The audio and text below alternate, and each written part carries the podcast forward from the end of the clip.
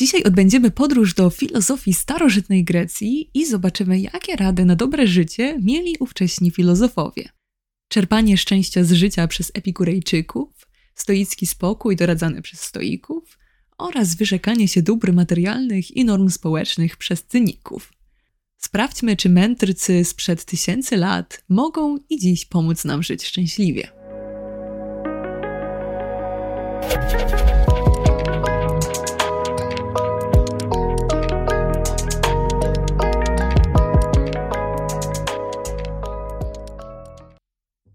Witajcie po pewnej przerwie.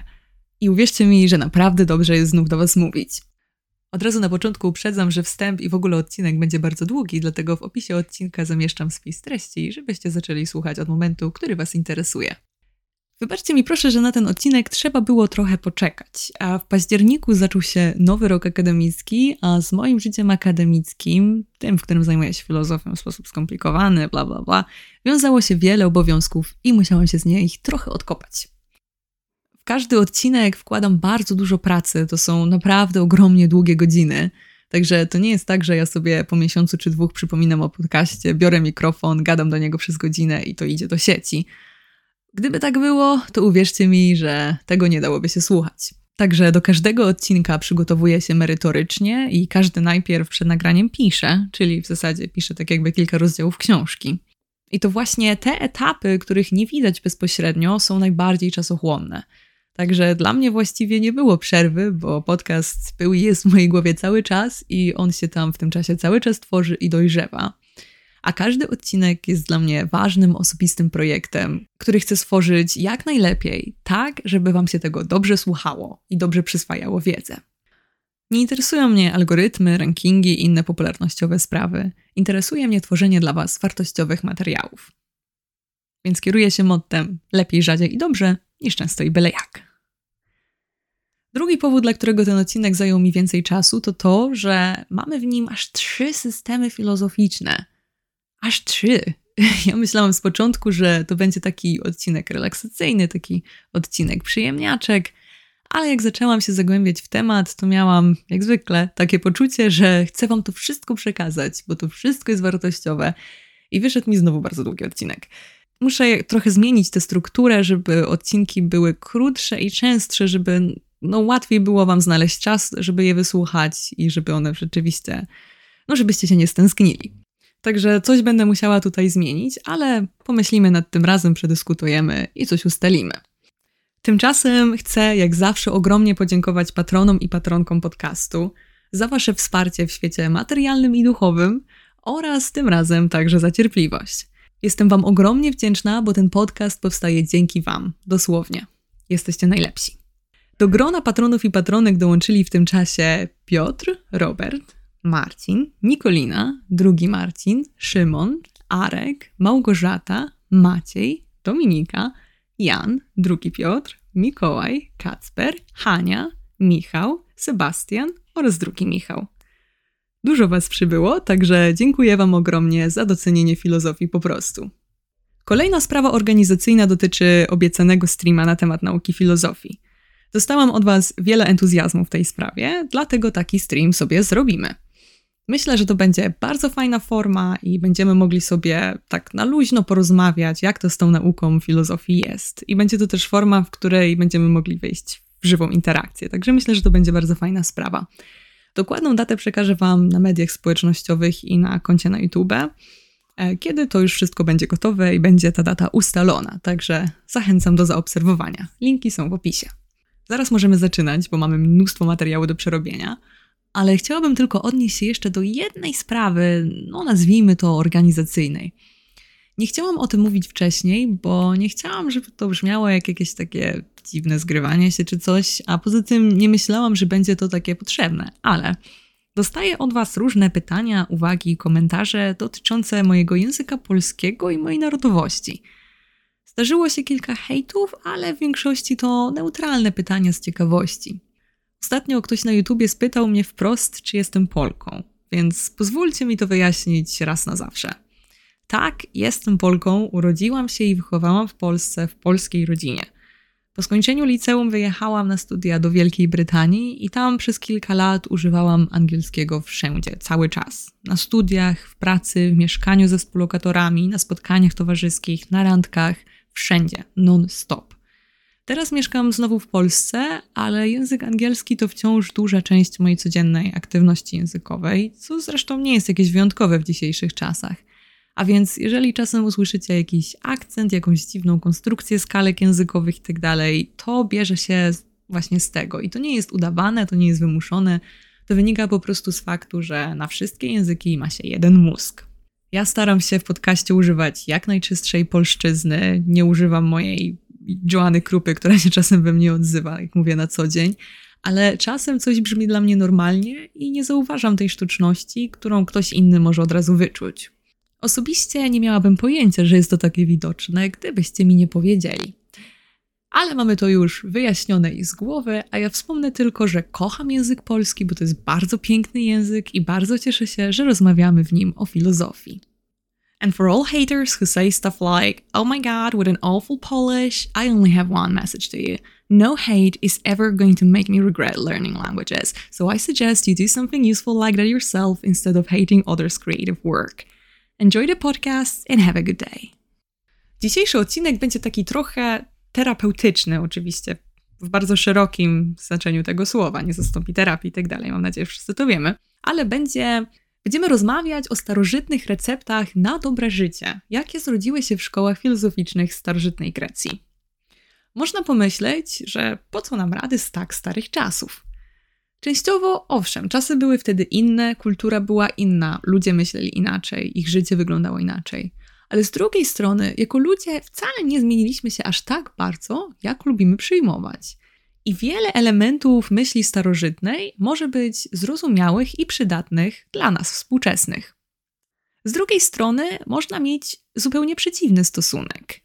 Bo my, jako ludzie, mamy często tendencję do uznawania czegoś, co jest stare lub egzotyczne, za jakąś taką pradawną, objawioną mądrość. Oczywiście to, że coś jest stare lub egzotyczne, nic nie znaczy, tym bardziej, że w czasie i miejscu, w którym powstało, nie było ani stare, ani egzotyczne. Niemniej jest to bardzo ciekawe, jak z życiem radzili sobie starożytni Grecy i jak wiele z ich pomysłów możemy wykorzystać dla siebie dzisiaj. Jak wszyscy pamiętamy z lekcji historii, starożytna Grecja jest określana kolebką cywilizacji Zachodu, a tym samym jest miejscem i czasem narodzin filozofii zachodniej. My jednak dzisiaj nie zajmujemy się zupełnymi początkami, ponieważ omawiane przez nas dzisiaj systemy filozoficzne powstały w czasach, w których filozofia była już mocno rozwinięta. Dzisiaj manewrujemy w okolicach pomiędzy IV a I wiekiem przed naszą erą, co ogólnie nazywa się epoką hellenistyczną, ale to jest taki, ale to jest taki szeroki termin. Systemy, o których dzisiaj będziemy mówić, powstały w czasach ogromnych przemian politycznych.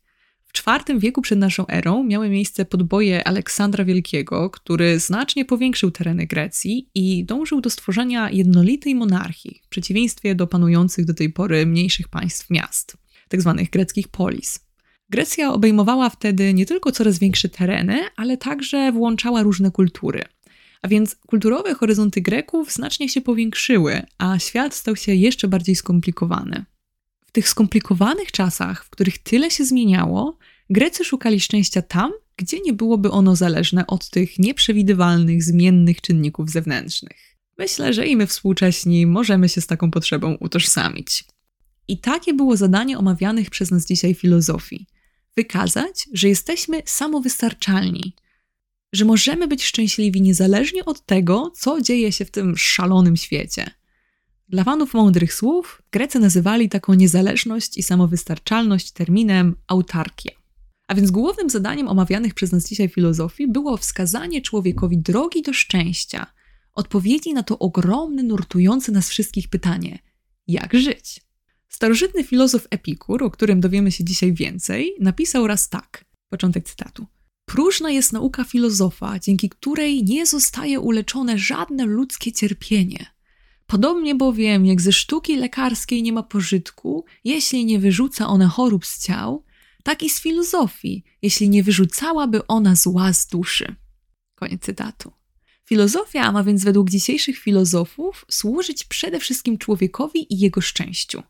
Wszystkie inne dyscypliny filozofii były jakby wokół tego celu i na niego pracowały. Stoicy, o których dzisiaj także więcej sobie powiemy, mieli taką piękną metaforę filozofii jako sadu. Murem chroniącym sad była logika, która uczy, jak poprawnie myśleć, drzewami metafizyka, czyli dociekanie, jaka jest natura świata, a owocami sadu była etyka, czyli w rozumieniu naszych starożytnych kolegów, nauka wskazująca nam, jak żyć, aby żyć dobrze i szczęśliwie. I tutaj wkracza nam jeszcze jeden ważny starożytny termin cnota. Musimy w tym miejscu wyrzucić nasze dzisiejsze skojarzenia z tym słowem, bo my przez cnotę dzisiaj rozumiemy najczęściej dziewictwo, taką jakby czystość seksualną, chociaż ja nie lubię tego sformułowania. Może też nam kojarzyć się z naszym polskim podwórkiem politycznym i słynnymi cnotami niewieścimi. Oczywiście niczego takiego cnoty niewieście nie ma i niech wszystkie słuchające tego podcastu niewiasty żyją tak, jak chcą, tak samo jak zresztą wszyscy jego moście. W ogóle wszyscy możemy żyć jak chcemy i być po prostu sobą, a politykom nic do tego. Zresztą dzisiaj będziemy o tym mówić, kiedy będziemy mówić o cynikach.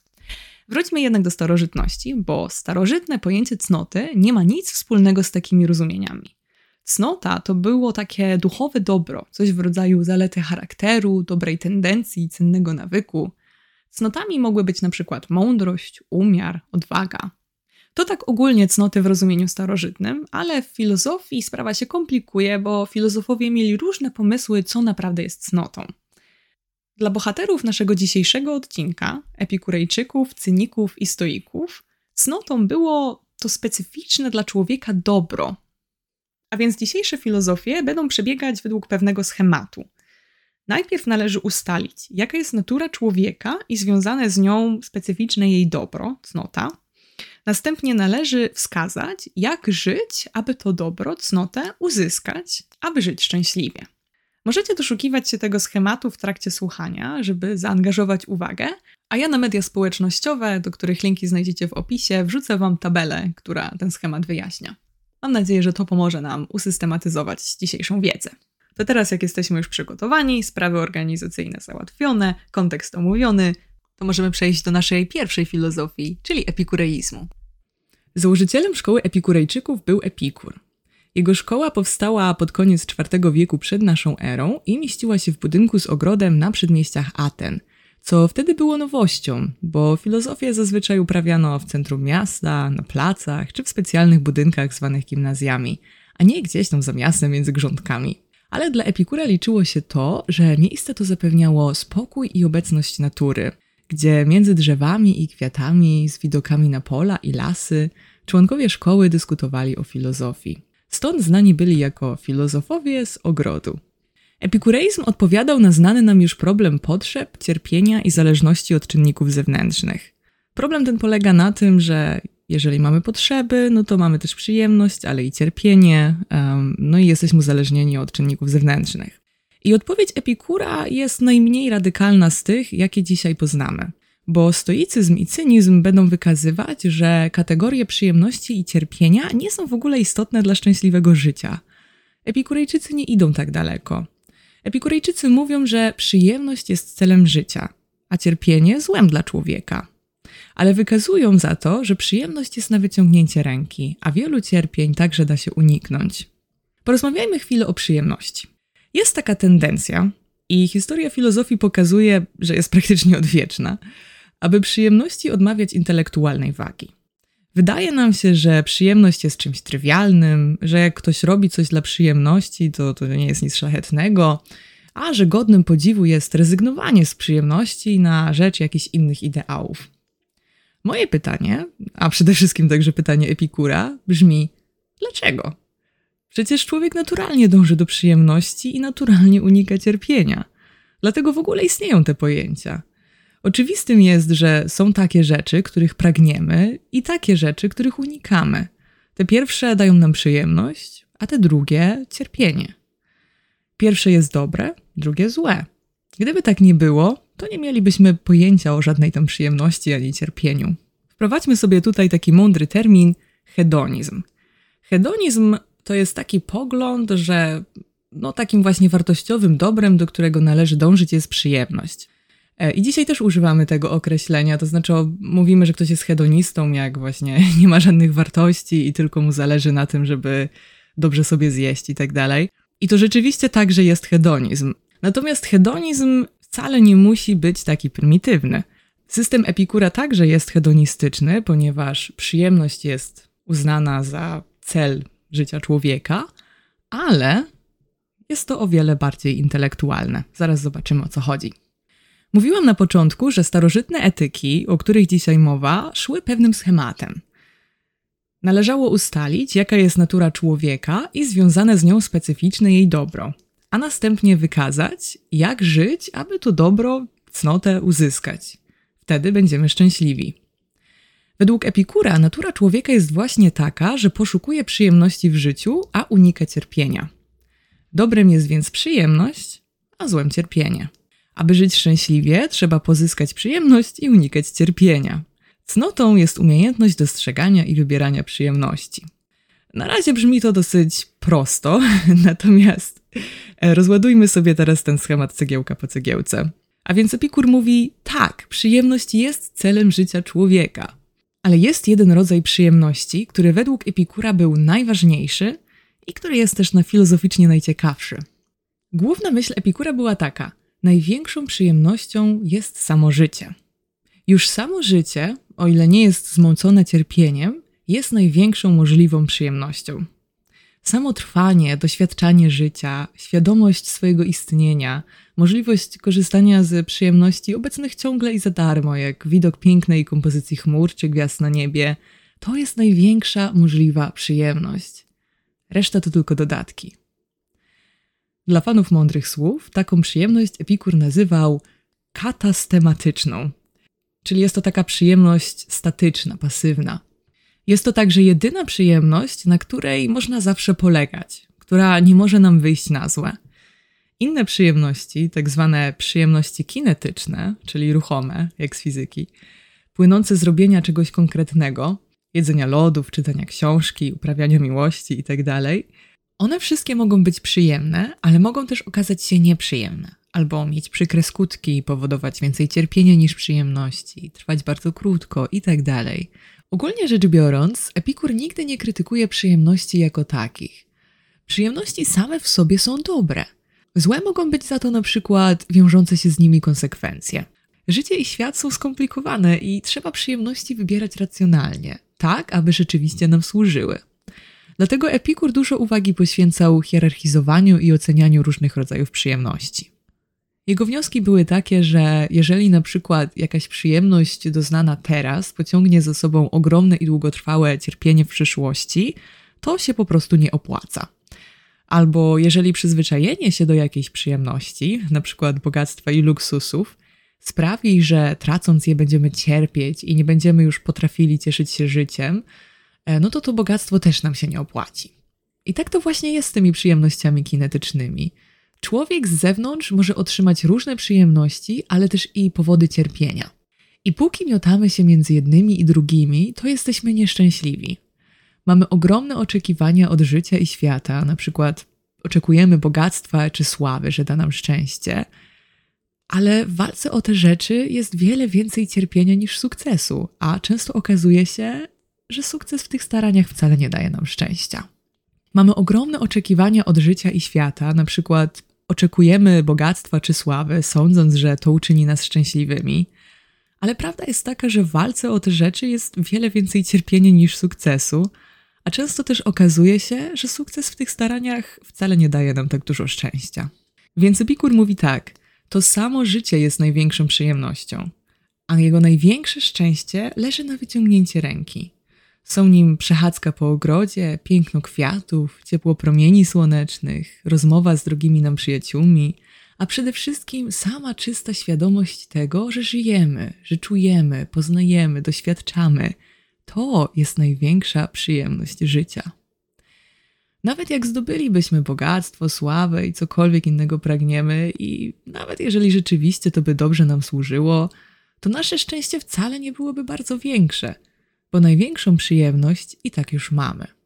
Mamy życie. Reszta to tylko dodatki, tak jak posypka na cieście.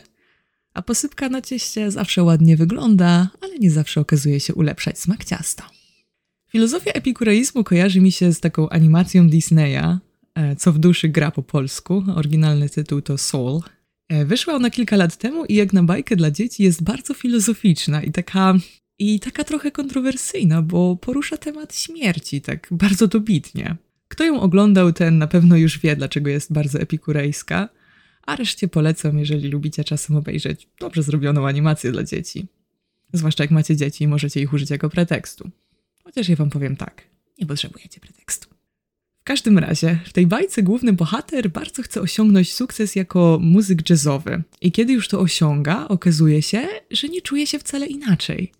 Po swoim pierwszym ważnym koncercie pyta się koleżanki z zespołu i co teraz? A ona mówi, no nic, przychodzimy jutro wieczorem i robimy to samo. Wtedy nasz animowany bohater uświadamia sobie, że szczęście miał cały czas przed nosem, bo szczęściem jest po prostu samo życie.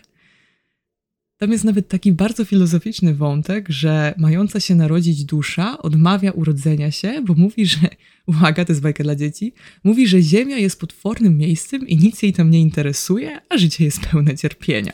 I to, co w końcu ją zachęca, to właśnie sama pasja życia i jego proste uroki, takie jak jesienne liście powiewające na wietrze w słońcu, czy słuchanie pięknej muzyki. To bardzo ładna bajka i kto zna, ten zna, kto chce, ten obejrzy, a my wracamy do historii filozofii. A więc szczęściem jest samo życie. Dlatego jeżeli chcemy być szczęśliwi, musimy uświadomić sobie, że nasze szczęście jest już tu i teraz.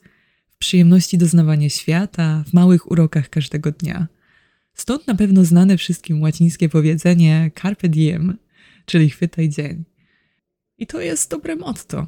Chwytajmy dzień, chwytajmy uroki prozy życia, chwytajmy każdą miłą rzecz, jaka nas spotyka i chwytajmy ten piękny fakt, że dany nam jest kolejny dzień życia na świecie, kolejny dzień bycia świadomym, kolejny dzień doznawania świata. Myślę, że jest to piękna idea Jasnym jest też dla mnie, że aby się z nią utożsamiać, trzeba po prostu kochać życie. Trzeba potrafić dostrzegać piękno tam, gdzie wielu go nie dostrzega. I trzeba umieć czerpać przyjemność z rzeczy, na które wielu nie zwraca uwagi. Jest to naprawdę piękna umiejętność i piękna idea. No dobrze, a więc przyjemności są dobre, a największą przyjemnością jest samo życie.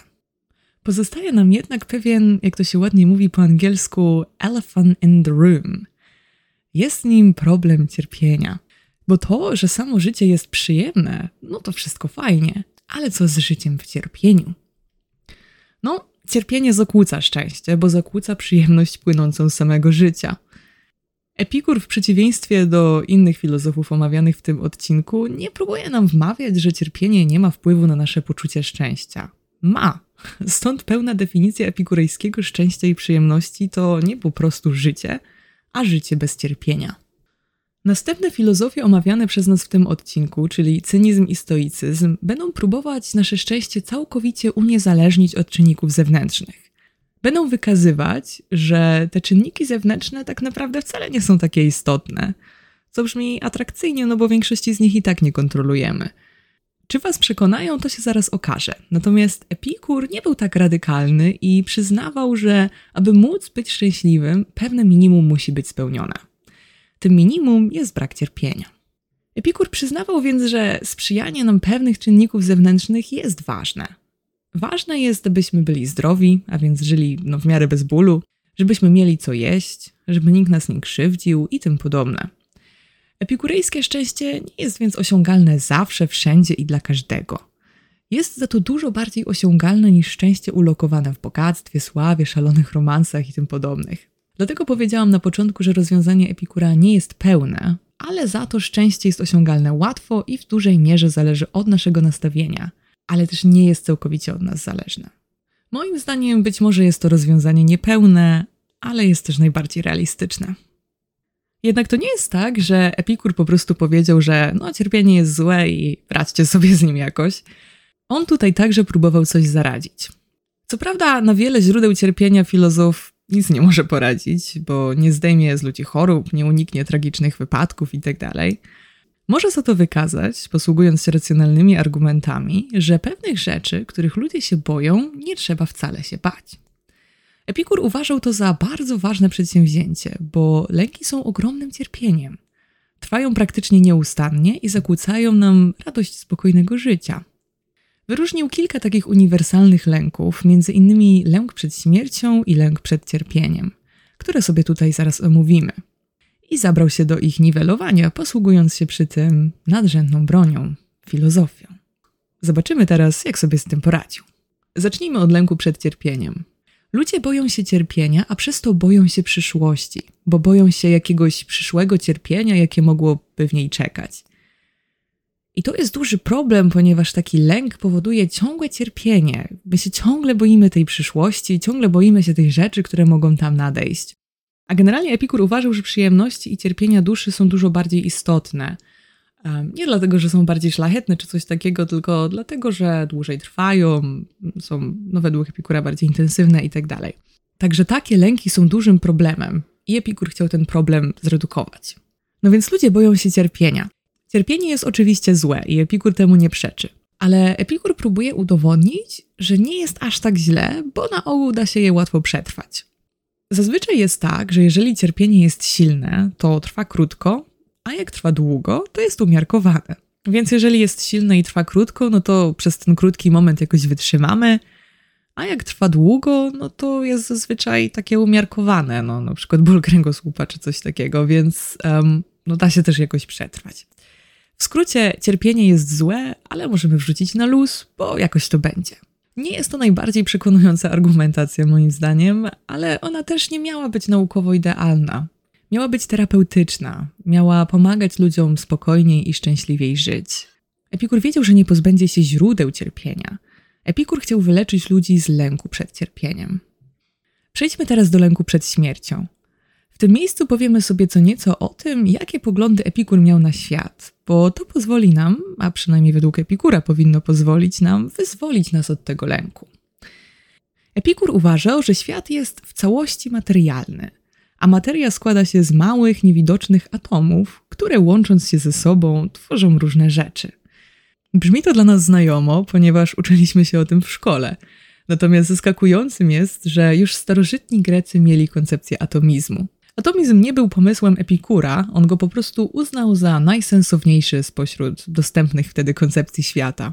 Materialne są także według Epikura ludzkie dusze i one także zbudowane są z atomów. Po śmierci te atomy duszy, tak samo jak atomy ciała, rozpadają się i po prostu przestajemy istnieć, tracąc wszelką świadomość. Po kilku drobnych modyfikacjach byłaby to koncepcja bardzo współczesna, uznawana przez wielu ludzi dzisiaj. Według Epikura rozwiązanie naszego lęku przed śmiercią zawiera się już w tej teorii.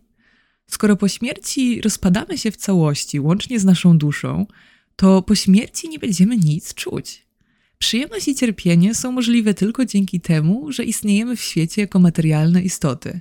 I kiedy nasze materialne ciała z naszą materialną duszą się rozpadną, no to skończy się wszelkie odczuwanie, w tym cierpienie. Będzie tak, jak było przed naszym urodzeniem, a wtedy jakoś nic się złego z nami nie działo. Więc w czym problem? Nie będzie nas, nie będziemy mieć żadnego problemu. Mnie osobiście to rozwiązanie kompletnie nie przekonuje. Dla mnie, jak i dla wielu ludzi, których ten argument nie przekonuje, lęk przed śmiercią polega właśnie na tym, że nie będzie żadnego czucia, że nie będzie żadnej świadomości. Ja osobiście nie boję się cierpienia po śmierci. Ja się boję tej nicości. Tej nicości też nie będę oczywiście odczuwała, ale to jest właśnie ten problem. Nic nie będę odczuwała, nawet nicości. To jest prawdziwy horror. I tak, przed urodzeniem też nie byłam niczego świadoma, ale nie uważam, że nie miałam z tym problemu. Nie miałam dopóki nie było żadnej mnie, ale teraz żyję na chwilę we wszechświecie i dzięki temu wiem, że przez taki kawał czasu nic wtedy nie odczuwałam, bo mnie nie było. Jest mi z tego powodu cholernie przykro. Przez ten chwilowy pobyt we wszechświecie wiem także, że będzie kolejny nieskończony kawał czasu, w którym także nie będę istnieć i mdli mnie na samą myśl. Wiem też, że wszechświat zapewne działa inaczej niż to sobie wyobrażamy, że nawet czas nie musi być wcale taki nieskończony, że świadomość może być halucynacją, cokolwiek by to miało znaczyć. Wiem o tych różnych współczesnych koncepcjach, kompletnie wywracających nasze rozumienie świata i człowieka, a i tak jestem absolutnie przekonana, że cokolwiek by z tego nie było prawdziwe, ja się potwornie boję tej nicości, tego nieodczuwania niczego i wiem, że tego nie chcę. Bardzo, bardzo nie chcę. I żadne intelektualne figury akrobatyczne tego nie zmienią. Znam jednak wiele osób, których rzeczywiście takie rozumowanie uspokaja. Czują się komfortowo z myślą, że świadomość może się skończyć i że po śmierci może niczego nie być. Mówią nawet, że to jest dużo lepsze niż takie jakieś życie po śmierci. Właśnie tak jak przekonywał o tym Epikur. Uważają, że to dobrze, że życie się skończy, no bo im by się nie chciało tak ciągle żyć w nieskończoność. Że mają swój moment, a potem, a potem znikną i, i wszystko jest w porządku. Ja osobiście tego zrozumieć nie potrafię. Zgaduję, że część z Was czuje tak jak ja, a część, no tak jak Epikur i te wspomniane osoby. Jest to problem, z którym każdy z nas musi sobie sam poradzić. Każdy z nas sam musi sobie odpowiedzieć na to, jak się z tym czuje. Jest to jednak oczywiście dyskusja oparta na założeniu, że po śmierci niczego nie będzie. Jeżeli wy wierzycie inaczej, no to rozwiązanie Epikura z pewnością tutaj się nie stosuje. Jeżeli wierzymy w życie po śmierci, to no, zależnie od tego, w co wierzymy, może to dać nam nadzieję i uspokojenie, albo właśnie ten lęk, że czeka tam na nas coś złego. To już jednak nie jest problem Epikura, no bo on tę możliwość odrzuca już na wstępie. Podsumujmy więc sobie nasz pierwszy przepis na szczęście epikureizm. Po pierwsze, celem życia jest przyjemność. Po drugie, największym rodzajem przyjemności jest samo życie, samo świadome trwanie jest najgłębszym źródłem przyjemności. Po trzecie, przyjemności same w sobie są dobre, ale żeby życie było jako całość szczęśliwe, musimy korzystać z nich i wybierać między nimi racjonalnie. I po czwarte, w przeżywaniu przyjemności z życia przeszkadza nam cierpienie, między innymi nasze różne lęki, takie jak lęk przed cierpieniem czy lęk przed śmiercią. Według Epikura można jednak pozbyć się takich lęków dzięki racjonalnemu namysłowi. To jest właśnie epikureizm. To, co chciałabym, abyśmy z niego zapamiętali i przyswoili, to właśnie ta miłość do życia, to ujrzenie największej wartości w samym fakcie życia oraz docenienie jego prostych uroków. Carpe diem, kochani. Teraz przechodzimy do chyba najmniej znanej koncepcji, do cynizmu. Dzisiaj, kiedy używamy słowa cyniczny, to na ogół używamy go w znaczeniu wyśmiewający, niepoważny, ale też taki wyrachowany, nie uznający żadnych wartości, działający tylko w swoim interesie itd. Tak A to jest w zasadzie bezpodstawne. I nie należy takiego znaczenia w żaden sposób utożsamiać ze starożytną filozofią cynizmu.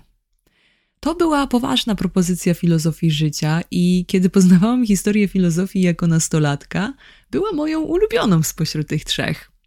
Także panie i panowie i wszyscy zgromadzeni, przedstawiam wam cynizm. Cynizm powstał w około V i IV wieku przed naszą erą. Za twórcę cynizmu uważa się Antystenesos Aten, ale najbardziej znanym reprezentantem tej filozofii był Diogenes Synopy, a z kolei najważniejszym uczniem Diogenesa był Krates Step. Co ciekawe, jego partnerka, to znaczy partnerka Kratesa, również była najbardziej znaną cyniczką. Była to Hiparchia z Maronei. Opowiemy sobie trochę o ich życiu w trakcie omawiania cynizmu, ponieważ dla cyników najważniejszym sposobem głoszenia swojej filozofii było po prostu życie wedle jej zasad. Swoje własne świadectwo, że tak można i że tak należy. Starali się tak robić generalnie wszyscy filozofowie z dzisiejszego odcinka, ale tylko w przypadku cyników praktyka była głównym sposobem przekazywania swojej filozofii. Cynicy nigdy nie stworzyli oficjalnej szkoły, byli bardziej takim ruchem filozoficznym. Epikurejczycy, tak jak i stoicy, o których będziemy mówić na końcu, stworzyli, wiecie, takie oficjalne szkoły, czyli instytucje ze swoimi oficjalnymi siedzibami i tak dalej. Cynicy niczego takiego nie mieli. Oni byli bardziej takimi pankami starożytności. A nie cytujcie mnie z tego. Zobaczmy, co takiego mieli do powiedzenia. Cynizm za centralną ideę przyjmuje wolność. Wolność jest dla niego wartością nadrzędną wobec wszystkiego innego. Zwróćmy uwagę, że w codziennym życiu, nawet jeżeli jesteśmy wolnymi obywatelami i wolnymi obywatelkami, to tak naprawdę bardzo wiele nas ogranicza. Każdy z nas żyje w społeczeństwie, we live in a society, którym panują najróżniejsze konwenanse. Trzeba na przykład zawsze nosić ubrania, i to nie jakiekolwiek, jakie chcemy, tylko pasujące do okazji, do naszej płci, do naszej kultury itd. Tak Mężczyźni powinni zdejmować czapki wchodząc do pomieszczeń, jeść należy sztućcami, nawet jak jest to niewygodne. W społeczeństwie jest pełno nakazów, zakazów i konwenansów. Niektórych w zasadzie nie da się nawet racjonalnie uzasadnić, one po prostu tak po prostu się przyjęło i to jest teraz od nas oczekiwane. Jeżeli czujemy potrzebę dopasowywania się do tych wszystkich konwenansów i martwimy się, co ludzie sobie pomyślą, to jest to bardzo duże źródło naszego zniewolenia. Ale idźmy dalej. Jeżeli posiadamy rzeczy, to musimy się o nie martwić. Na przykład, jeżeli posiadamy samochód, to musimy płacić na niego ubezpieczenie, na wizyty u mechanika itd. Tak musimy go ciągle gdzieś parkować i martwić się, czy będzie miejsce. Musimy stać w korkach, musimy o niego dbać, myć go, przejmować się, czy wszystko w nim dobrze działa. W zasadzie jest to ogromne ograniczenie naszej wolności. I w mniejszym lub większym stopniu takim ograniczeniem są wszystkie posiadane rzeczy. Ale idźmy dalej. Jeżeli posiadam potrzeby i pragnienia, na przykład pragnę luksusowych, drogich rzeczy czy wyrafinowanego jedzenia, to jestem niewolnikiem tych potrzeb i pragnień, bo muszę ciągle się starać o ich zaspokojenie i cierpieć, jeżeli są niezaspokojone. Cynicki przepis na wolność staje się więc jasny. Po pierwsze, ignorować społeczne konwenanse. Po drugie, wyzbyć się posiadania czegokolwiek. I po trzecie, nie pragnąć nic ponad minimum niezbędnym do przeżycia. I cynicy rzeczywiście żyli zgodnie ze swoimi przykazaniami. Jeżeli kiedyś słyszeliście anegdotę o filozofie mieszkającym w beczce, to był właśnie Diogenes Synopy.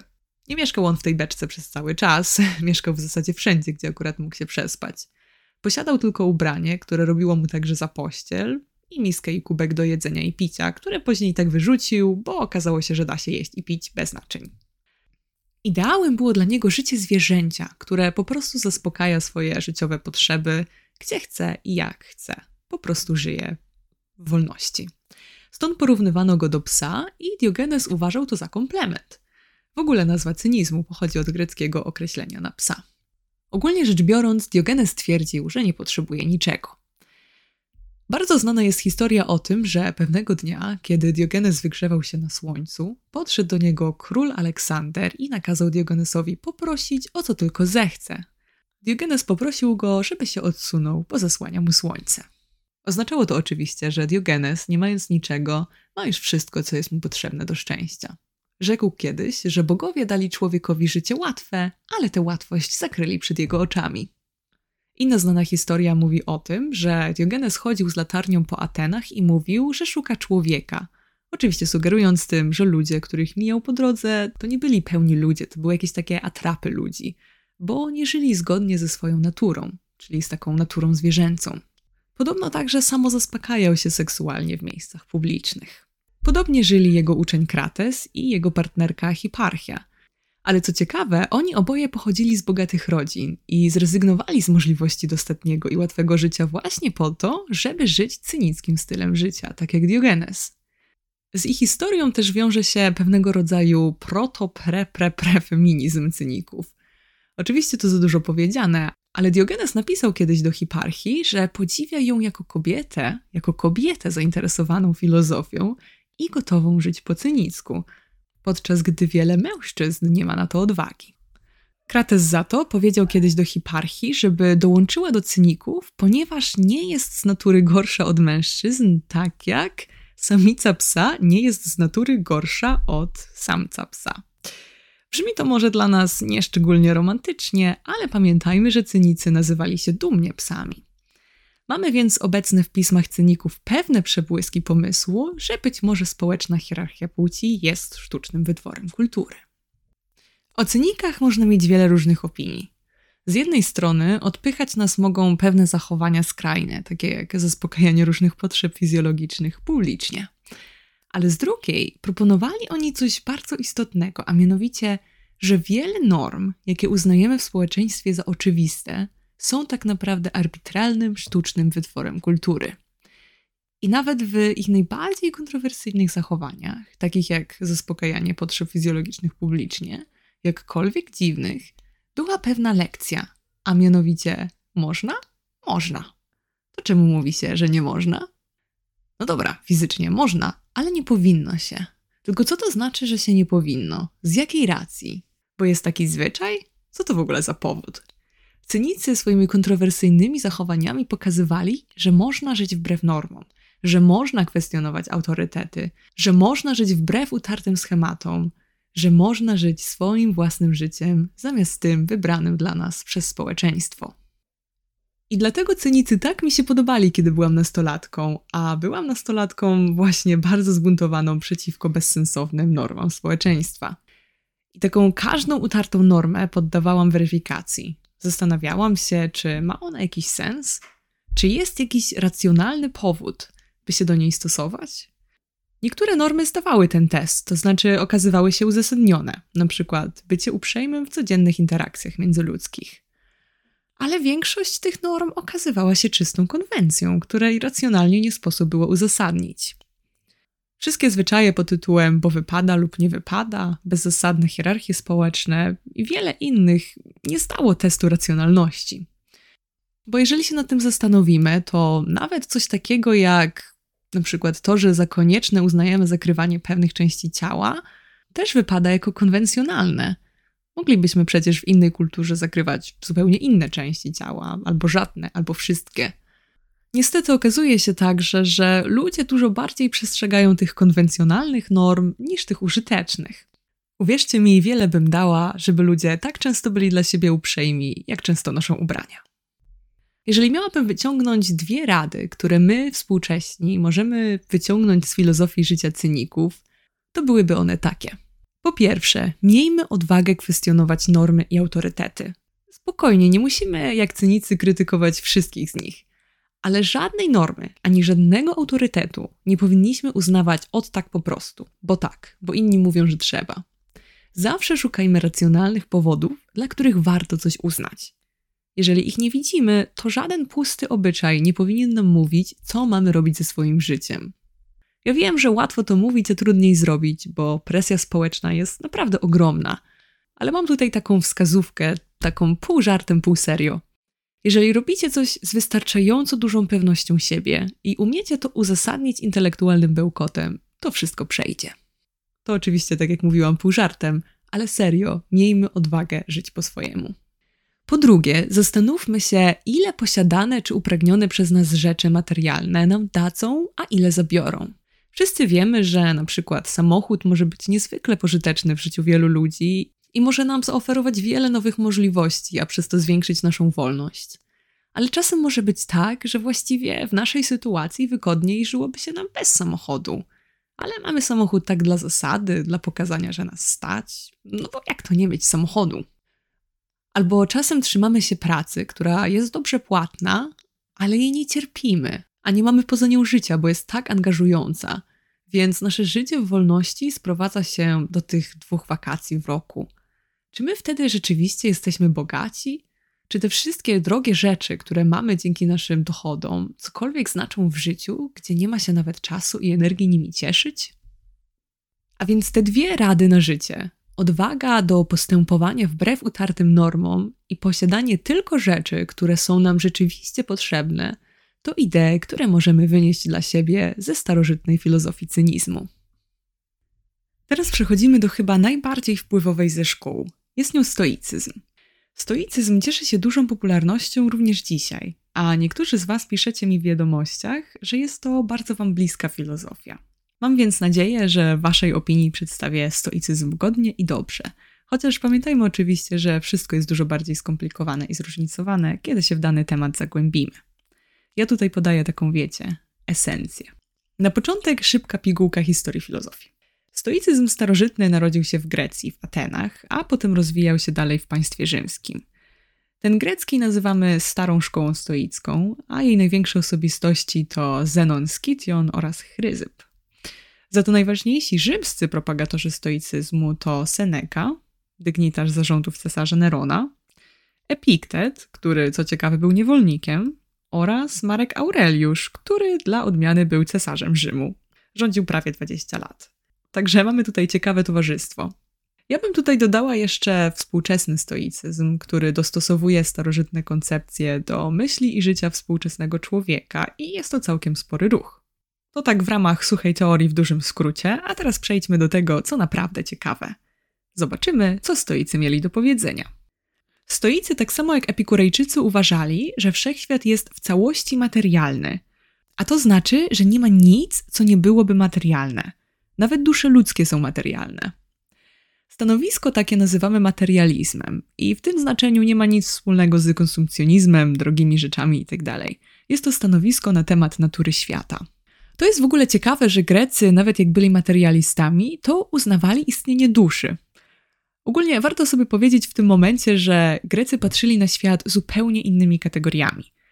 Historia filozofii na tym etapie jest także historią nauki, bo one nie były wtedy jeszcze oddzielone. Także znajomość tych starożytnych greckich wizji świata jest może mało budujące w sensie wiedzy o świecie, bo dzisiaj mamy dużo lepsze teorie współczesnej nauki, ale jest za to fascynującą historią o tym, jak kiedyś widziano świat.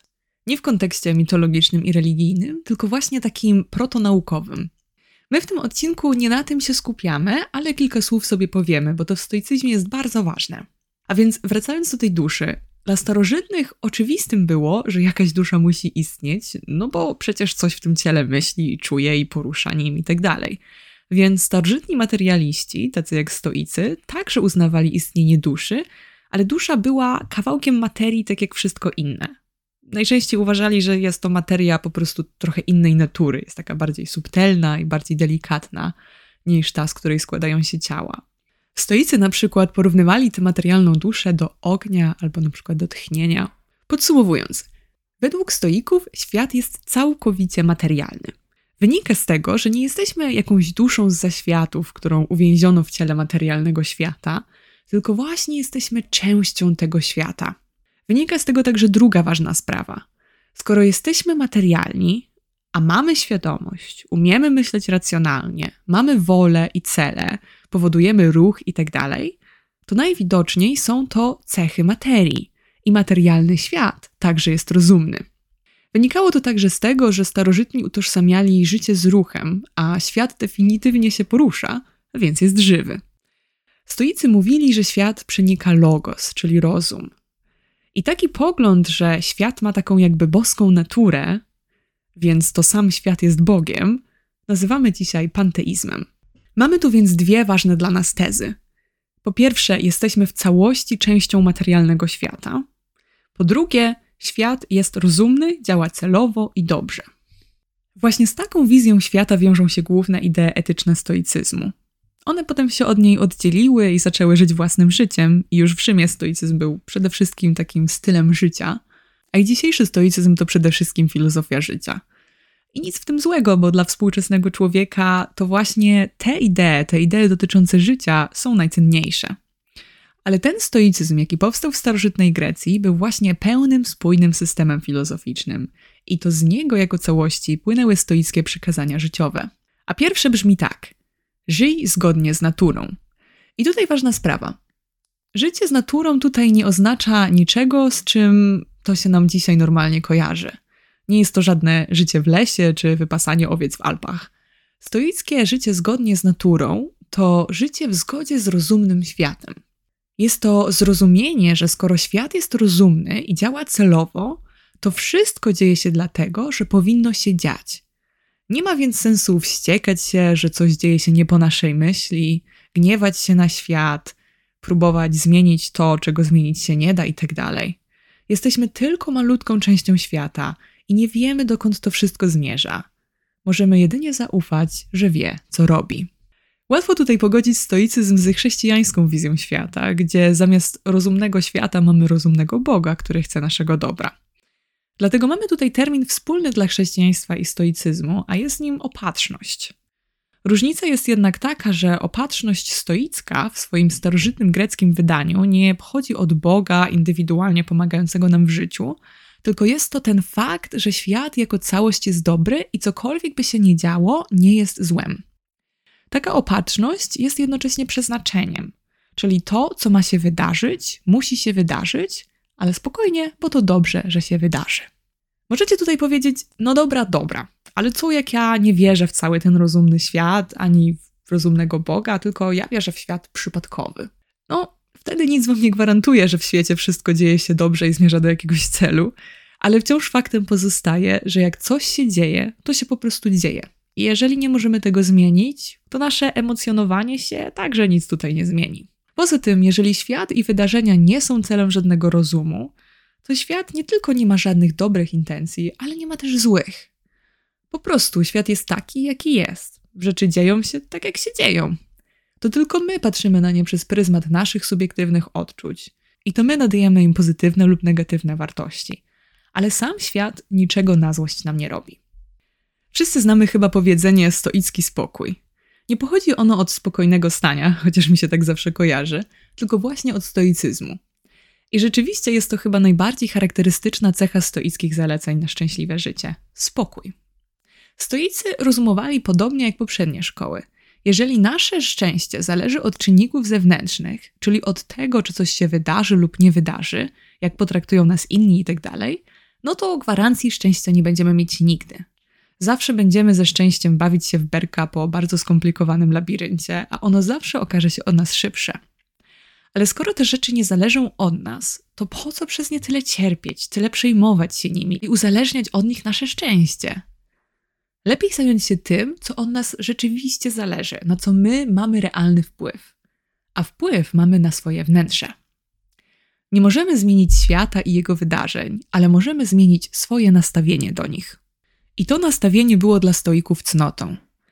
Dla stoików cnota była tylko jedna, ale była bardzo ogólna. Stoicką cnotą jest właśnie ten stan duszy, w którym nie boimy się świata i przyszłości, ponieważ rozumiemy, że wszystko w świecie dzieje się tak, jak powinno, a my sami nie przywiązujemy do tych zewnętrznych zdarzeń wagi. Nie powodują one w nas tych ogromnych, bolesnych przewrotów emocji, nie miotają się w nas żadne żądze, cierpienia, frustracje, bunt. Jesteśmy po prostu spokojni, szczęśliwi niezależnie od tego, co się dzieje. Brzmi atrakcyjnie, tyle że to wszystko ma swoją cenę. Starożytni byli świadomi związku między przyjemnością a przykrością, między potrzebami a satysfakcją. Jeżeli mam jakąś potrzebę czy pragnienie, to ich zaspokojenie da mi poczucie radości i satysfakcji. Jeżeli jednak nie uda mi się ich zaspokoić, to będę odczuwać frustrację, a może i cierpienie.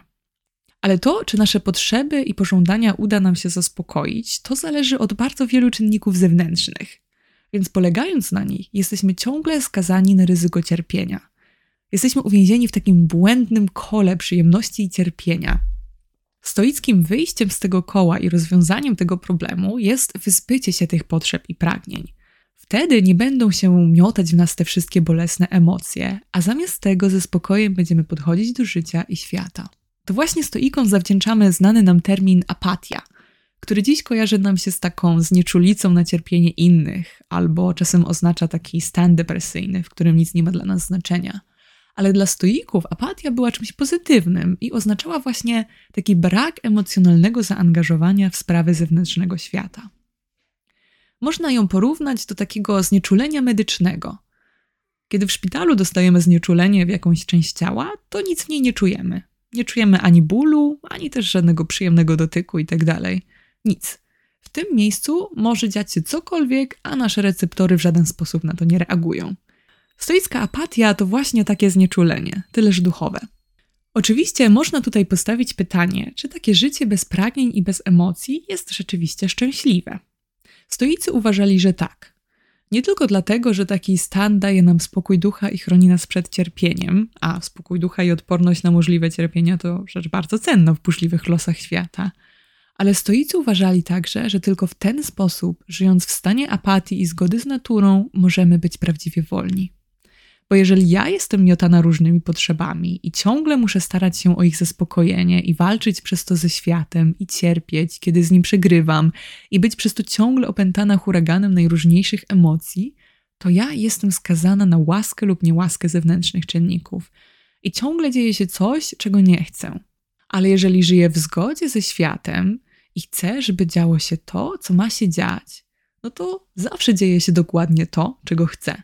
I w każdym obrocie spraw jestem szczęśliwa, ponieważ niezależnie od tego, jakie by one nie były, nie mogą sprawić mi cierpienia i są zawsze zgodne z moją wolą. Jestem więc wolna dopiero wtedy, kiedy moja wola pozostaje w harmonii ze światem. Sprytne, nie? Jakby nie patrzeć, istotnie, jeżeli chcemy, aby wszystko działo się zawsze po naszej myśli, to najlepszą gwarancją tego jest po prostu chcieć zawsze tego, co się rzeczywiście wydarzy. Dlatego posiadanie cnoty, czyli właśnie tego stoickiego stanu ducha, jest prawdziwym szczęściem. Wszystko inne przemija, raz jest, raz tego nie ma, ale cnoty nic i nikt nie może nam odebrać, bo zależy tylko od nas. Co więcej, w przeciwieństwie do innych rzeczy, każdy z nas może posiąść cnotę, niezależnie od płci, pozycji społecznej, sytuacji finansowej itd. Było to bardzo optymistyczne nastawienie. Szczęście jest dla każdego na wyciągnięcie ręki. Oczywiście kosztuje ono ogrom pracy nad sobą, ale nic prócz nas samych nie może nam w niej przeszkodzić. I kiedy już osiągniemy taki stan i posiądziemy cnotę, wtedy osiągamy prawdziwe szczęście. Nic więcej do szczęścia nie jest potrzebne. Wszystkie inne tak zwane dobra, takie jak bogactwo, uznanie społeczne, sława, uroda, to tylko losowe, przemijające sprawy zewnętrznego świata i powinniśmy pozostać wobec nich obojętni. Stoicy byli jednak realistami i nie wymagali rezygnacji tak radykalnej jak cynicy. Nie namawiali nas do ascezy i pustelniczego życia, ani trochę. Bycie obojętnym na dobra zewnętrznego świata polega na tym, że ani się o nie nie staramy, ani też ich nie unikamy. Nie są one ani dobre, ani złe, one są po prostu obojętne. Mogą być za to godne przyjęcia lub przyjęcia niegodne.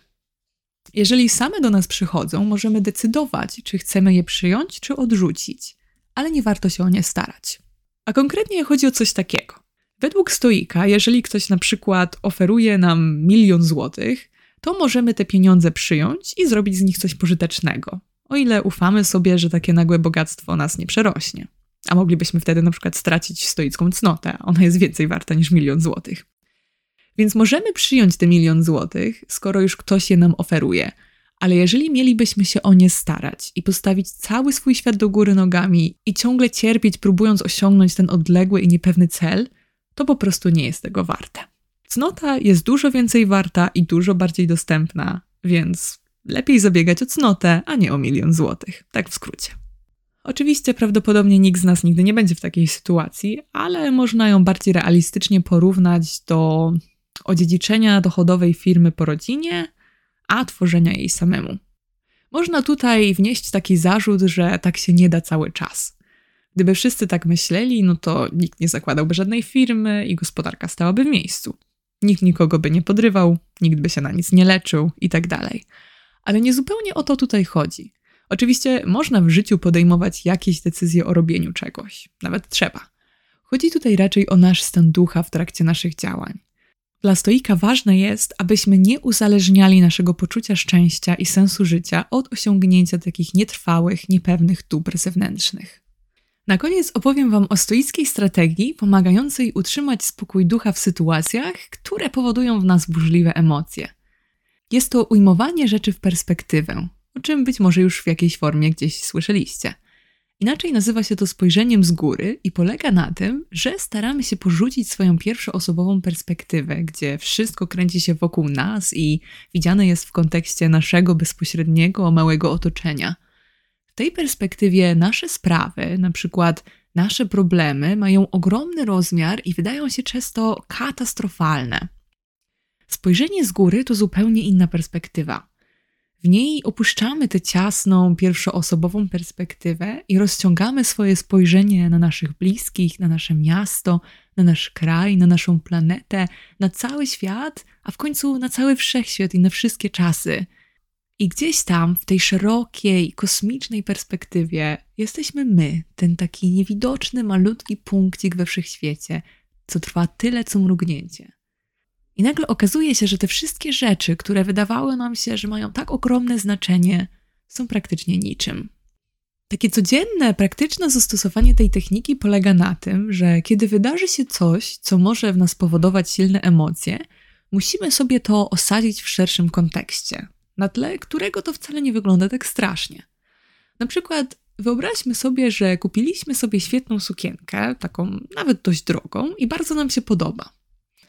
Można tutaj sobie oczywiście wyobrazić jakiekolwiek ubranie, czy w ogóle cokolwiek innego, co mogłoby w nas powodować taką właśnie satysfakcję. Idziemy w tej naszej pięknej sukience na imprezę, cali zadowoleni z siebie, a tam oblewamy się czerwonym winem. Przypadkowo oczywiście. Naszą odruchową reakcją jest złość i frustracja, i w tym momencie wydaje nam się to wielką tragedią. Ale osadźmy to sobie w szerszej perspektywie, tak? Spójrzmy na to z góry. Po pierwsze, to, że w ogóle nas stać na ładne ubrania i że możemy sobie w tych ładnych ubraniach chodzić na imprezy i pić na nich czerwone wino, to jest ogromny dar od losu, którego wiele ludzi na świecie jest pozbawionych. Na tle całej ludzkości i tego wszystkiego, co się w świecie dzieje, to nasze oblanie sukienki winem na jakiejś imprezie oznacza, że jesteśmy elitą tego świata, tak naprawdę. Oczywiście chodzi mi o elitę w sensie uprzywilejowania. A poza tym to i tak tylko sukienka. Prędzej czy później i tak by się zużyła albo znudziła. A teraz pomyślmy o tym oblaniu sukienki w kontekście całego wszechświata i całego czasu. Wydaje się to tak nieistotne, że aż dziwimy się, że może to nas w ogóle tak poruszyć. Cała sytuacja wydaje nam się wtedy trywialna, a jeżeli cokolwiek z niej wynika, to lekcja. Ta życiowa lekcja, że nasze szczęście i spokój ducha nie powinny być uzależnione od tak trywialnych spraw jak zniszczalne sukienki. Generalnie cała sytuacja nie może nas w żaden sposób skrzywdzić, a jeżeli wyniknie z tego jeszcze jakaś taka większa dojrzałość emocjonalna, no to cała sytuacja była przecież samą zaletą. Myślę, że takie spojrzenie z góry, takie ujmowanie rzeczy w szerszą perspektywę to bardzo cenna umiejętność. Wylanie wina na sukienkę to jest oczywiście tylko trywialny przykład, ale właśnie takie trywialne rzeczy, które powodują w nas znacznie więcej frustracji niż na to zasługują, są pierwsze w kolejności do stoickiej redukcji. Dużo ciężej jest z rzeczami nietrywialnymi, takimi jak przykład zerwanie wieloletniego związku. Ale stoicyzm zakłada, że powinniśmy być duchowo przygotowani na akceptację także takich sytuacji. Podsumujmy sobie teraz stoicyzm w kilku tezach. Po pierwsze, świat jest w całości materialny. Takie stanowisko nazywamy materializmem. Po drugie, świat przenika logos, czyli rozum, a więc świat działa rozumnie. Po trzecie, jeżeli chcemy być szczęśliwi, musimy wypracować w sobie cnotę, która jest jedynym wartościowym celem. Po czwarte, cnota polega na wyzbyciu się potrzeb i pragnień i zharmonizowaniu naszej woli z dziejami świata. Po piąte, musimy zrozumieć, że mamy do odegrania rolę w wielkim teatrze świata i cokolwiek się wydarza, musi się wydarzyć. Więc nie ma się co nad tym emocjonować, tylko trzeba tę swoją rolę odegrać jak najlepiej. Po szóste, wolność jest możliwa tylko przez zharmonizowanie naszej woli z dziejami świata. Po siódme, w osiągnięciu stanu spokoju pomaga nam zmiana perspektywy, czyli tak zwane spojrzenie z góry. To właśnie były trzy starożytne przepisy na osiągnięcie szczęścia: epikureizm, cynizm i stoicyzm. Myślę, że są to bardzo ciekawe koncepcje, z których możemy zaczerpnąć wiele dla siebie. Myślę też, że jest coś bardzo uspokajającego i dodającego otuchy w fakcie, że około 2,5 tysiąca lat temu, w odmiennych czasach i kulturze, ludzie także poszukiwali szczęścia, a zdobycze ich poszukiwań mogą nam być pomocne również dzisiaj, tyle stuleci później. O starożytnych przepisach na szczęście opowiadała Wam Karolina Polasik, a to jest podcast Filozofia po prostu, w którym omawiamy znane i ciekawe idee filozoficzne. Główny temat odcinka jest zakończony, więc jeżeli kogoś interesował tylko ten temat, można się rozejść do domu. To jednak nie wszystko, bo odpowiem teraz na pytania od patronów. Ela zadała bardzo adekwatne do naszych ostatnich tematów pytanie, a brzmi ono tak. Czy w kontekście poglądów na sens życia jest podobieństwo między egzystencjalizmem a stoicyzmem? Osobiście myślę, że niespecjalnie, ale proszę poczekać do końca odpowiedzi. Generalnie są to bardzo różne spojrzenia na świat i na człowieka, również na sens życia. Przede wszystkim rzucają mi się dwie zasadnicze różnice. Po pierwsze, stoicyzm widział świat jako rozumny, a dziejące się w nim rzeczy jako racjonalne, konieczne, zmierzające do jakiegoś rozumnego celu, a przez to dobre. W tym rozumnym świecie życie człowieka ma określony sens. Sumienne wypełnianie swojej roli w społeczeństwie i świecie, która ma jakiś określony cel w układance dziejów świata. A więc nasze życie jest po coś, dla naszego życia jest jakiś plan. Także jest jakiś konkretny sens. Egzystencjalizm widzi świat i człowieka zupełnie inaczej. Świat jest tylko efektem kompletnego przypadku i wszystko, co się dzieje, też jest przypadkiem. Nie w sensie fizycznym, bo fizycznie być może wszystko ma przyczynę, ale w sensie znaczenia. Istnienie świata nie ma żadnego znaczenia. Nie ma żadnego racjonalnego celu w tym, że istnieje świat i że istnieją ludzie. Po prostu jakoś tak się stało, że zaistniał jakiś świat, jakoś tak się stało, że wyewoluowali sobie jacyś tam ludzie. I jest to wszystko jednym wielkim absurdem, z którym musimy sobie teraz radzić. Nie ma tutaj żadnego ustalonego z góry sensu życia człowieka, ani żadnej z góry narzuconej roli do odegrania. Tylko człowiek sam swojemu życiu musi nadać sens. Druga bardzo ważna kwestia to kwestia wolności. Dla stoików wolność była zgodą ze światem. Jeżeli zgadzam się ze swoim losem i chcę tylko tego, co świat mi zaoferuje, to zawsze jest tak, jak chcę. Więc wtedy jestem wolna. Zniewoleniem byłoby walczenie z losem i światem. Egzystencjalizm widzi wolność zupełnie odwrotnie. Nasza wolność leży właśnie w tym, że to my decydujemy, co sądzić, czuć i robić z tym, co świat nam daje. Możemy zaakceptować lub odrzucić swój los. Możemy zbuntować się przeciwko światu, możemy czuć gniew i frustrację na myśl o absurdzie istnienia. I to są właśnie akty naszej wolnej woli, świadczącej o naszej wolności jako jednostki ludzkiej. Zniewoleniem i egzystencją nieautentyczną jest godzenie się na ten przygotowany dla nas los, bez żadnych pytań, robienie wszystkiego tak, jak od nas jest oczekiwane, bez kwestionowania sensu tych oczekiwań itd. Tak Te różnice są ogromnej wagi i sprawiają, że są to bardzo różne systemy filozoficzne. Ale pytanie jest o podobieństwo, więc trochę sobie nad tym pomyślałam i takie pewne podobieństwo znalazłam. I stoicyzm, i egzystencjalizm oddają wiele kontroli człowiekowi. Chodzi mi tutaj o to, że człowiek stoicki jest w stanie sam, niezależnie od czynników zewnętrznych, odnaleźć ten swój sens życia i swoje szczęście, tylko i wyłącznie dzięki jakościom własnej duszy ludzkiej. Człowiek egzystencjalny również jest swoim własnym źródłem sensu i szczęścia w życiu, bo to człowiek jest tym, co nadaje światu sens i wartość. Ta idea realizuje się oczywiście na dwa różne sposoby. Dla stoika człowiek może dzięki sobie samemu osiągnąć szczęście, bo ma rozum i może nim zrozumieć sens życia i świata. Dla egzystencjalisty człowiek może sobie samemu osiągnąć coś w rodzaju szczęścia i poczucia sensu życia, bo nic innego mu tego nie da. Jest jedynym źródłem tego sensu. Ale w obu przypadkach może do tego sensu dojść samemu, dzięki swojemu człowieczeństwu. Mam nadzieję, że ta odpowiedź była przydatna. Drugie pytanie pochodzi od Andrzeja i jest z zupełnie innej beczki, ale również jest bardzo ciekawe i bardzo życiowe. Pozwolę część sobie zacytować, ponieważ przeredagowanie mogłoby utracić pierwotny sens. Andrzej pisze tak. Zauważyłem, że pewne osoby pracujące najczęściej w prywatnych firmach stają się jakby więźniami sytuacji. Pomimo niskich zarobków, ponadnormatywnej pracy, wykonywania pracy poniżej kwalifikacji, dla przykładu pracownicy biurowi myjący okna w budynku, w weekend za darmo, poddawani mobbingowi, obserwujący mobbing wobec innych, właściwie przyjmują to jako część życia.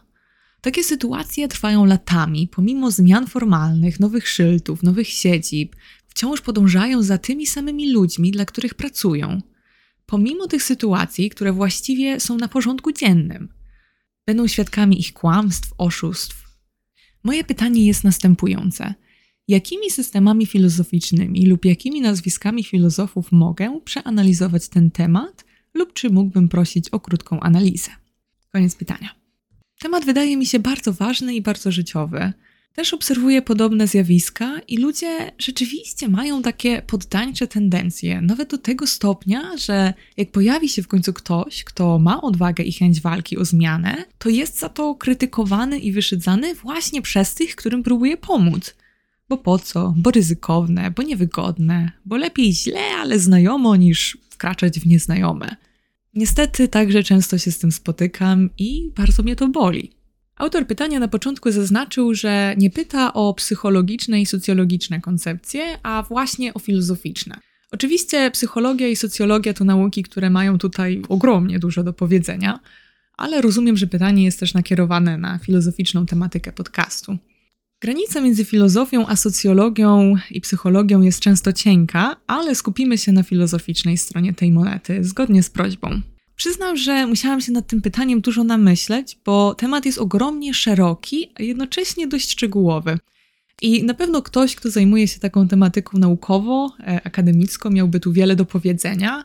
E, ja nie jestem tym kimś, ale kilka motywów przyszło mi do głowy. Zaczynając od filozofów, którzy już byli w naszym podcaście i których znamy, jak pamiętamy, Erich Fromm wykazywał, że ludzie wcale niekoniecznie chcą wolności, a tym bardziej niekoniecznie chce im się o nią walczyć. Ludzie często oddają wolność za bezpieczeństwo, za brak wysiłku i tak zwany święty spokój. Lubią, jak ktoś inny za nich myśli i decyduje. Dlatego ludzie wchodzą w nierówne relacje na bardzo wielu poziomach, między innymi w relacje autokratycznego szefa i posłusznego pracownika. Swoją drogą o tym też bardzo pięknie pisał Dostojewski w Braciach Karamazow. Tam jest taki rozdział pod tytułem Wielki Inkwizytor. Nie będę się tutaj na tym rozwodzić, ale jeżeli ktoś lubi literaturę, to tutaj mi się właśnie bardzo kojarzy. Dalej mamy niczego, który podzielił ludzi na tych o mentalności panów i tych o mentalności niewolników. Ci pierwsi mają cele i ambicje, mają jakąś wizję, którą chcą zrealizować i dążą do tego, aby ona rzeczywiście była zrealizowana. Również używając do tego tych drugich, bo często tamci po prostu czekają na rozkazy. Jest to duże uproszczenie, ale mam już o tym odcinek, także tam jest rozwinięcie. Dalej w podcaście pojawili się także Marx i Engels i ciężko byłoby o to nie zahaczyć przy takim temacie. W marksizmie mamy klasową strukturę społeczeństwa, która oparta jest na antynomii klasy rządzącej, w przypadku kapitalizmu są to kapitaliści, i klasy rządzonej, czyli robotniczej. Teorii marksistowskiej ta klasa robotnicza ma w sobie potencjał do buntu i rewolucji, a jeżeli jeszcze tego nie robi, no to prawdopodobnie dlatego, że kapitaliści jeszcze skutecznie to tłamszą. Jest to dosyć czarno-białe przedstawienie, po części dlatego, że jakakolwiek filozofia przedstawiona jednym zdaniem wyda się czarno-biała, ale w marksizmie rzeczywiście jest dużo wiary w klasę robotniczą i w ogóle w ludzi. Doświadczenie za to nam pokazuje, że czasem możemy się przeliczyć, że czasem ludzie sami wcale nie chcą poprawiać swojego losu. I z tego co rozumiem, tego dotyczy nasze pytanie. I to przenosi nas płynnie do problemu klasowości społecznej, w który warto się zagłębić, nawet jeżeli jest to temat socjologiczny, żeby zrozumieć tę problematykę. Ja w ogóle mam nadzieję, że kiedyś zrobimy sobie odcinek o klasach społecznych, bo to był mi kiedyś bardzo bliski temat i częściowo dotyczyła tego moja praca licencjacka, więc chętnie o tym z Wami porozmawiam, bo dla mnie to naprawdę odmieniło spojrzenie na społeczeństwo i na to, jak działają ludzie. Bo klasy społeczne to nie jest tylko kwestia tego, ile kto ma pieniędzy. To są bardzo złożone ekonomiczno-społeczne kategorie i określają one nie tylko status materialny, ale także nasze powiązania społeczne, naszą edukację i obycie, czyli tak zwany kapitał kulturowy, naszą mentalność, zachowanie, nawyki, wartości itd. I badania dotyczące klas społecznych wykazują, że ogromne znaczenie ma nasze wychowanie, to znaczy środowisko, w którym się wychowujemy. Więc myślę, że w tym przypadku, jeżeli wychowujemy się z takim wzorcem bez ambicji, bez jakichkolwiek oczekiwań wobec miejsca pracy, z takim nastawieniem, że już samo posiadanie pracy jest łaską pracodawcy, to prawdopodobnie taki wzorzec będziemy powtarzać. No i ten wzorzec nie musi być tylko przekazywany przez naszą rodzinę konkretnie, ale w ogóle środowisko, w którym przebywamy, tak już szerzej na to patrząc, może nawet cała kultura. Także no jest to bardzo skomplikowana sprawa. Kiedy ja się tym zajmowałam, to powoływałam się przede wszystkim na literaturę socjologiczną, ale, ale jeżeli cofniemy się do czasów, kiedy filozofia i socjologia nie były jeszcze tak oddzielone, to mamy takich myślicieli, którzy powiedzmy byli gdzieś pomiędzy, no bo jeszcze nie było takiego wyraźnego podziału. Mamy na przykład Maxa Webera. Weber zauważył, że ludzie w społeczeństwach chrześcijańskich, zwłaszcza protestanckich, są zdolni do ogromnych poświęceń w ramach pracy, pozwalają na różne nadużycia itd., tak czyli tak jak tutaj autor pytania opisuje. I Weber uważał, że wynika to właśnie z zakorzenienia etyki protestanckiej. Wedle tej etyki praca to taki nasz święty obowiązek życia tu na ziemi. Etyka to jest też antyhedonistyczna, to znaczy praca jest w niej ważniejsza niż doczesne przyjemności, którym właściwie odmawia się wartości. Generalnie, koniec końców, wartość człowieka utożsamia się z jego pracą. I dzisiaj też o czymś takim mówimy, bo mówi się o kulcie pracy czy o kulcie produktywności. Dalej na myśl przychodzi mi Michel Foucault, to się pisze Foucault. I Foucault mówi, że nasze zachowania, nasze mechanizmy dyscyplinujące, które są praktykowane w społeczeństwie, nasze stosowanie się do hierarchii wytwarza tak, zwany, wytwarza tak zwane struktury władzy, które determinują nasze zachowania. Te struktury władzy to nie są jakieś takie oddzielne, dziwne byty, tylko my je sami tworzymy. To są jakby wypadkowe naszych działań. Ale kiedy się zakorzeniają, to są pewnym schematem społecznym, w którym wszyscy jesteśmy uwięzieni. Dalej do głowy przychodzi mi współczesna filozofka Elizabeth Anderson, która porównywała współczesne miejsce pracy do takiego miniaturowego rządu autorytarnego. No bo tak, w typowym miejscu pracy mamy wyraźną, niedemokratyczną hierarchię władzy, w której ci na dole nie mają praktycznie żadnego wpływu na to, jak funkcjonuje firma. Za to ci na górze narzucają obowiązki wedle uznania, mogą narzucić wszystko, łącznie z narzuceniem określonego wyglądu i decydowaniem, kiedy pracownik może wychodzić do toalety itd. Mogą też instalować różnego rodzaju monitorowanie, aby kontrolować, co robią ich podwładni, czy są wystarczająco produktywni w pracy itd. Tak I tak rzeczywiście często jest, zwłaszcza w takich pracach o niższym statusie społecznym. Ja się osobiście właśnie tak czułam w pracach dorywczych, jakie miałam w trakcie studiów i szczerze powiedziawszy, czułam się w nich paskudnie, właśnie nie ze względu na samą pracę, tylko właśnie na te uprzedmiotawiające struktury władzy. Ale obserwowałam także, że niektórym ludziom takie niewolnicze układy naprawdę odpowiadały. I niezależnie od tego, co jest tego przyczyną, ludzie rzeczywiście często godzą się na los, który mogliby zmienić, ale w ogóle po te zmiany nawet nie próbują sięgać, tylko utrzymują status quo, który jest dla nich no, bardzo niekorzystny. Tylko jeżeli chcemy przedyskutować ten temat, to powinniśmy zastanowić się jeszcze nad jednym pytaniem, a mianowicie, czy to źle? Może jeżeli komuś nie zależy na zmianie swojej sytuacji, nie w sensie, że próbuje ją zmienić, ale nie może, tylko naprawdę nie próbuje jej zmienić, naprawdę mu nie zależy, no to może po prostu trzeba zaakceptować, że mu nie zależy i zostawić go w spokoju, w tej jego stagnacji. Ja tutaj nie sugeruję, co jest słuszne, tylko przedstawiam jakby taką alternatywną perspektywę. Bo my tutaj zakładamy taki system wartości, w którym ten stan rzeczy uznany jest za coś złego. Jakby patrzymy na to w ten sposób, że to jest jakaś krzywda, którą ludzie sobie wyrządzają lub która jest im wyrządzana. Ale w filozofii każdy system wartości można zakwestionować. A to przenosi mnie do ostatniego wątku, o którym chciałabym tutaj wspomnieć. A chodzi mi konkretnie o dyskusję między socjalizmem a libertarianizmem, mówiąc już takim skrótem myślowym. I to pytanie jest takie: czy odgórnie wprowadzić model społeczny, który regulowałby nierówności o jakiejkolwiek przyczynie, czy zostawić ludzi samym sobie, aby każdy dbał o siebie samego? Oczywiście to pytanie jest szalenie skomplikowane i można byłoby tutaj bardzo wiele powiedzieć ale no chciałam je tak tylko zasygnalizować, ponieważ moim zdaniem wiąże się z tym tematem.